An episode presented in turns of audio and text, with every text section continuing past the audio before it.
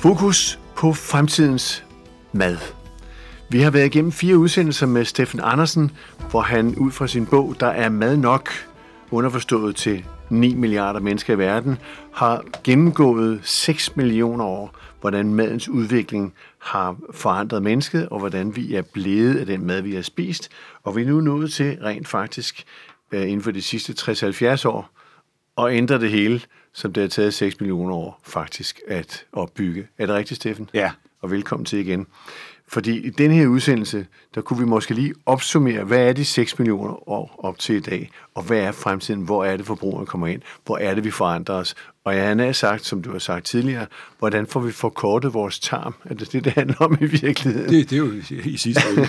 ja, hvis de, der har lyttet med på det tidligere, har de forståelse for, hvad den her tarmoperation drejer sig om. Men øh, skal vi lige øh, gå de 6 millioner tilbage øh, øh, lynhurtigt og sige, hvor kommer vi fra? øh, og hvor er vi nu? Ja, jeg vil sige, at vi har tre øh, historiske skridt, og vi står sandsynligvis ved det fjerde nu. Der øh, sker en kostændring hen over øh, fra 2 til 6 millioner år tilbage, og så kan vi springe frem til landbrugets opståen for 10.000 år siden, og så sker der urbanisering og industrialisering for 300 år siden. Og der står vi i dag og skal forvalte det, vores forfædre har givet os. Og det var hurtigt, og det var godt. Så må jeg så lige sige, at det er interessant for mig har hele tiden været, når jeg har beskæftiget med den her bog, at det er krigen, krigene, der i virkeligheden har udviklet den mad, vi har i dag, konserves og opbevaring og øh, industriproduceret mad. Ja, det har været i desperate situationer.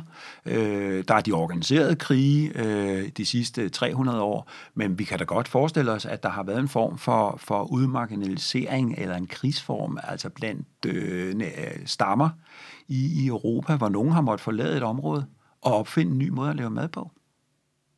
Og når vi så kigger i dag af Napoleon og 2. verdenskrig og den by i USA, du nævner uden for New York, som har opfundet øh, måden at lave industribaseret mad på, altså uh, processed food, som man, man kalder det derovre, altså øhm, ja, hvad, hvad forarbejdet mad. Forarbejdet, forarbejdet mad simpelthen ikke. Og det er ikke specielt sundt. Jo, i en kort periode, men i en længere periode, det er der, vi ser også tilfælde af overvægt og øh, forkert, øh, ja, forkert madindtagelse til det hele taget. Det, det er det jo, hvis vi kun køber ind efter det, der er, er forarbejdet mad. Er, det rigtigt forstået? Ja, i den øh, højt forarbejdet mad ligger der jo en meget høj grad findeling. Ja. Og det er den her findeling, man sætter spørgsmålstegn ved. Så vores tarme skal arbejde fra... Vores tarme er indrettet til for to millioner år siden en vis form for føde, og før det tog det 4 millioner år for tarmen at udvikle sig til det. Og nu er det kun gået 60-70 år, ja. og så skal der bare ske en hel masse ting. Ja. Og det er her, det bliver spændende og interessant. Og du fortalte os i slutningen af sidste udsendelse, hvordan vi igen fra USA har fået en psykologisk gennemgang af et supermarked. Hvad er det, vi køber? Vi køber, det dufter frisk og grønt, og så skal vi have mejerivareprodukter i bunden af butikken på vejen ud. Der kan vi, fordi vi har handlet fornuftigt de første stykke tid, så kan vi godt købe lakridspinde og cigaretter og, og alkohol og alle mulige andre ting. Og, og, og det er jo interessant, øh, at det er vores supermarked bygget op af, fordi det handler om penge. Ja. Nu handler det om mad, og det handler om sundhed. Og du har en øh, forventning om, påstand om, at øh, forbrugeren skal tage et ansvar. Og igen, de, der har interesse i måske også at se noget af det her, gå ind på øh, www.derermadnok i etord.dk. Øh, der er både nogle plancher, og der er også nogle videoindslag, øh, og det kan man gå ind og studere bagefter, så man måske bedre forstår. For det er mange ord, der kommer. Det er, mange, det er nærmest en forelæsning øh, i hver udsendelse. Men, men nu kommer vi til det essentielle. Det er mig og dig. Nu tager jeg mig først, fordi jeg har jo et ansvar fra nu af, har du fortalt mig i fire udsendelser. Jeg har et ansvar for at udvikle fremtidens sunde fødevarer. Fortæl mig, hvad jeg skal. Det har du, fordi den samtale, vi har haft, kan du jo ikke sige, du ikke har haft. Hmm. Så du er jo blevet mere bevidst. Øh, det må give et ansvar. Og øh, der har jeg listet i bogen øh, syv øh, små tiltag, man kan overveje at gøre, øh, hvis man øh, føler sig involveret i at vide mere. Noget af det, jeg men, selv... Men det, undskyld mig, det, det, er vel en, det er vel en pligt, hvis vi skal overleve. Du kan godt sige, at der er mad nok nu til 9 milliarder mennesker til 2050, har du sagt en tidligere udsendelse. Ja. Men derefter, hvad så? Jamen, vi skal være klar over, at... Er det det ansvar, vi skal påtage os nu, ikke? Vi skal påtage os det ansvar, at der i 20.000 år har der været en hjemme, om man så må sige, i et køkken, mm. der tog ansvaret for at se de små vokset op af det, der blev tilberedt. Mm. Sådan er det. Og det øh, er noget, man godt kan sige, uden at man begynder at rode sig ud i en kæmpe diskussion om ligestilling. Men jeg mener, man skal konstatere det, og så sige, at den person er jo til stede i form af en mor og en far, øh, i større eller mindre grad. Det er faktisk, øh, det er stadigvæk 80 procent af indkøbene bliver gjort af kvinder. Det, det, Fortsat. Ja, sådan er det. Øhm, og, og der må mænd jo så gå ind og tage et større ansvar, hvis kvinderne tør lade dem tage ansvar. Ikke? Så det, der kan komme ud i nogle diskussioner der. Men det er det, at at der var et stille viden, eller tavs viden. Så bare for, for en enkelt humoristisk ting, hvis den er det, det er we too. Ja, we too. Det okay. synes jeg meget godt, man kan bruge det ord her. Det var en god opfindelse. Øh, det er det virkelig, fordi det, det må være vores alles ansvar. Vi kan ikke bare sige, at fordi det 20.000 år var et matriarkalsk øh, fænomen, mm. vi havde kørende. Øh, det er vores alles ansvar. Øh, sådan er det bare. Øh, men, men, det, men den viden, at vi har overladt det til marketingchefer, om jeg så må sige sådan rigtig groft. Jeg mener det. Jeg har selv været marketingchef vi har et meget stort ansvar, når vi sidder og lancerer produkter. Mm. Og du har været fødevaredirektør i ganske mange år. Ja. Og, og det kan man gå ind og høre på den første podcast og den anden, hvor meget du har været involveret. Og det er derfra, du kommer, og det er der til, du er i dag. Og der må jeg så sige, at som fødevaredirektør begyndte jeg med skam, synes jeg selv, for sent at læse informative bøger om mad. Øh, produkterne, jeg havde ansvaret for, var produkter. Jeg har også arbejdet med rengøringsmidler, og da det gik op for mig, at vi dybest set inde i industrien kan ansætte folk fra barberbladet eller øh, opvaskemidler direkte ind i fødevareindustrien og give en vis indsigt, ja, bevares. Men det er jo ikke sådan, at man går til stålet og så siger, prøv at høre min ven, nu er du ansat et sted, hvor det du står for er at sikre, at mitokondria inde i cellen. Ja, du hørte rigtigt. En celle har en lille bitte apparat, der giver energi, mm. og du har milliarder af celler i kroppen, så du har milliarder af mitokondrier. Det er det, den brand manager eller marketingchef har ansvaret for i min verden. Og det gør jobbet spændende. Men det er der, vi skal hen.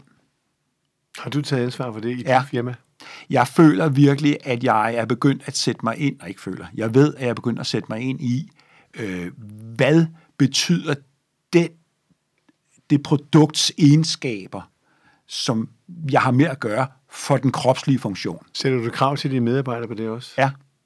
Vi har simpelthen lavet et program, hvor de øh, skal vide, om jeg så må sige, med lige så stor passion som jeg er begyndt at kaste mig over det her, om man er nysgerrig eller ikke nysgerrig, så gør vi det til en del af den professionelle del af det menneske, at de skal være nysgerrige. Så I uddanner, I uddanner ikke kun til nysgerrighed, men til viden konkret? Viden, ja og at man skal søge viden, opdatere sig, og man skal lære at bruge den viden øh, i sin markedsføring, i sin salgsteknik, i sin omgang med kunder, fordi der kommer det element ind, at så ved indkøberen i supermarkedskæden også mere.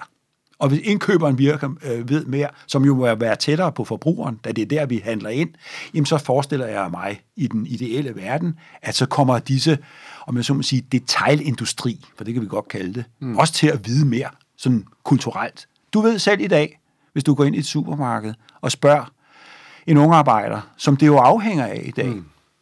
øhm, må jeg høre, hvor kommer kyllingen fra? Altså, svaret er jo ikke en dyb udlægning af, øh, hvor den kylling kommer fra. Den ligger går. på hylde 15. Ja, det vil være det, der svaret, eller ude fra lageret ja. bagved. Ikke? Mm. Så, så, og det har ikke noget at gøre med at desavouere de mm. øh, dygtige unge mennesker, der også arbejder ved siden af studier og sådan noget. Det er simpelthen vores system, der bygger op på den måde. Men det kan vi godt udfordre. Det, det, det, de vil være interesserede i at vide noget om det. Jeg selv arbejdet i butik. Kunne købmanden det i gamle dage? Du er selv købmandssøn. Købmanden kunne det jo, fordi han kunne jo se, når han tog en ske og puttede ned i melet, så kunne han jo simpelthen se, hvordan melet gled ned i det her krammerus, jeg talte om tidligere, mm. der var lavet af brun papir. Ja. Han kunne se grynene. Var de fugtige, var de ikke fugtige? Han kunne se kaffen, han selv lavede. Men skal vi derhen i dag? Nej, i dag har vi jo et system, hvor vi skal kunne stole på den mærkevare, det brand, vi køber ind, står for det her. Det er jo derfor, vi har lavet det. Det er jo signalet. Det er jo det personlige element, købmanden havde. Det glemt, han havde i øjet, eller det, den måde, han førte varen frem med sikkerhed. Men, men, men vil det ændre på vores fremtidige, Altså, når vi ser tv-reklamer, hvis man overgår at se det, så alt sammen det ender på noget med 99. Øh, selvom det er en bil, så er 399.999. Altså alt er jo gearet til at gå ind i hjernen og sige, det her det er billigt. Og det samme må det vel være med indkøberne. Vi skal ud og fortælle, det her det er billigt, kom og få nogle tilbud, det er billigt den her weekend. Er det det samme som, at det er sundt? Men der er jeg uenig med dig, øh, fordi du har ret i, at man i Danmark øh, ser tv-reklamer med, det er billigt. Men de er langt længere frem i USA på det område. Det Hvad gør de helt fabelagtige reklamer, de har. De er informative, de er skægge. Man bliver faktisk draget til at, at kigge på reklamerne, og de er på vej ind i et univers, hvor de, øh, jeg er 100% sikker på, går over i at øh, reklamere med baggrund i viden om produktet. Fordi der er jo selvfølgelig en stor forbrugerenklave i så stort et land. Er det fordi, de kan se, at jo mere viden man deler ud af, des mere kan man måske også tage for varen? Fordi jeg er helt over, ja. Jeg er helt overbevist om, altså det Så det har også med økonomi at gøre? Ja, det har noget med økonomi at gøre, det har det. Og som jeg sagde før, jo mere vi producerer det her, jo relativt billigere bliver det jo så også. Det ligger jo i vores fantastiske industrisystem. Så når vi skal se frem i 10 år på vores supermarked i Danmark i forhold til USA, vil de samme ting ske her, at man får mere viden, og man kan gøre forbrugeren mere bevidst, og forbrugeren kan gå ind og tage en debat med supermarkedet omkring, hvad der er sundt og godt for mig? Jeg tror, at øh, svaret er ja, hvis vi ser, at supermarkeder for eksempel fra Tyskland etablerer sig mere i øh, Danmark. Der er en kæde, der hedder Biomarkt, hvor jeg selv handler ind i, i Berlin. Den har 34 øh, butikker eller 35. Og øh, sådan en kæde er der ikke plads til i Danmark. Altså, Hvorfor? der er ikke kundeunderlag nok. Men hvordan er den da? Jamen, den er indrettet på den måde. Igen, du kommer ind og bliver fristet på den positive måde med friske varer. Man skal spise frisk mad. Man skal forarbejde sine råvarer hjemme i køkkenet. Øh, man ved, man har Og så kan man købe alkohol så går du rundt, på vejen ud. Så, går, nej, men så kan der egentlig være temmelig, øh, øh, temmelig tidligt på indkøbsturen i det her, der er alkohol. Mm-hmm. Altså, så kan du købe en fantastisk øh, flaske økologisk vin. Øhm, og så går du videre gennem butikken, og, og igen kommer ned til mejerivarer og ost til sidst med fantastiske udbud der også. Men du bliver ikke præsenteret for et kæmpe udvalg af sukker og salt og alkohol ved udgangskassen. Og det er den afgørende forskel. Ja. Det er der, at, at jeg selv synes, at man ved ganske lille greb øh, kan gøre meget for vores øh, sundhed. Og jeg ved, at øh, Tesco i øh, USA's, deres bestyrelse og bestyrelsesformand, har simpelthen bedt ledelsen i Tesco-kæden, altså direktøren og ledelsen, om at få styr på, at ikke kunne blive angrebet inden for et par år taler vi om, øh, for at friste folk på en måde, der i dag begynder at gry som værende uetisk. Hmm. Taler vi også om sukkerafhængighed her, eller hvad? Det, kommer, det gør vi helt klart. Og det er derfor, de tager nye initiativer? Ja. Hvordan kan vi forklare forbrugeren det, sådan så forbrugeren går ind og stiller et modansvar? Hvis jeg skal tage ansvar, så må I jo også gøre det. Hvordan kan man få den dialog mellem industrien og forbrugeren?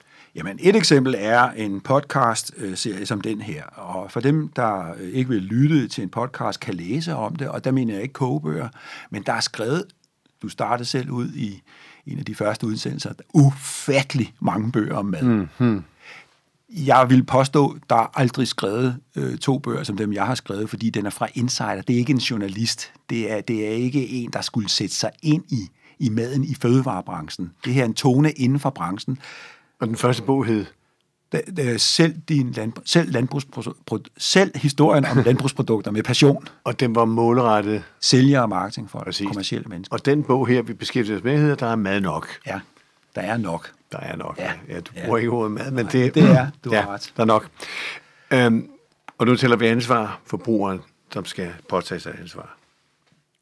Så der er et udvalg af informative bøger af øh, mennesker, der har skrevet om det. Øh, Erik Schlosser er en, der har skrevet om hele burgerindustrien i USA. En fantastisk spændende bog. Ikke? Øh, og der er forskellige profiler, øh, jeg selv har, har læst. Blot for lige at være sikker også både som viden for mig selv, men også for at være sikker på, at den kommercielle vinkel, at jeg prøver at give som en del af fortællingen af maden, jo som er en del af fortællingen, at den skal med os som noget nyt.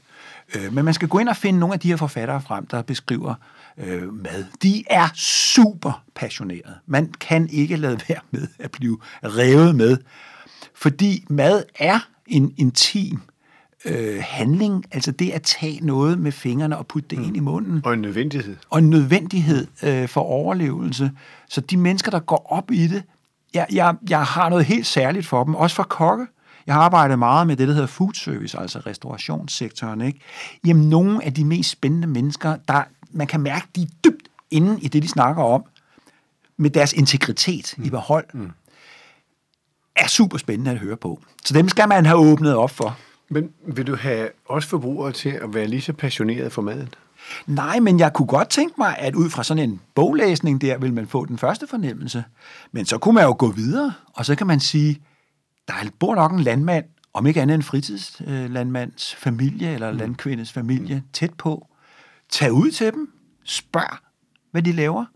De vil som regel være lidt tøvende i starten, men når de mærker en bybo, der kommer og, og rigtig gerne vil øh, høre dem fortælle, jeg har selv prøvet det, hvor nogen siger, jamen det der, du spørger om, det er jo sådan noget rigtig landmandsstof, altså hvorfor lander en kokasse der, eller hvorfor ser den sådan ud, og, og øh, hvorfor, hvorfor, hvorfor murer de ikke køerne, og sådan nogle ting. Altså, altså hvis man åbner op for noget nysgerrighed, mm.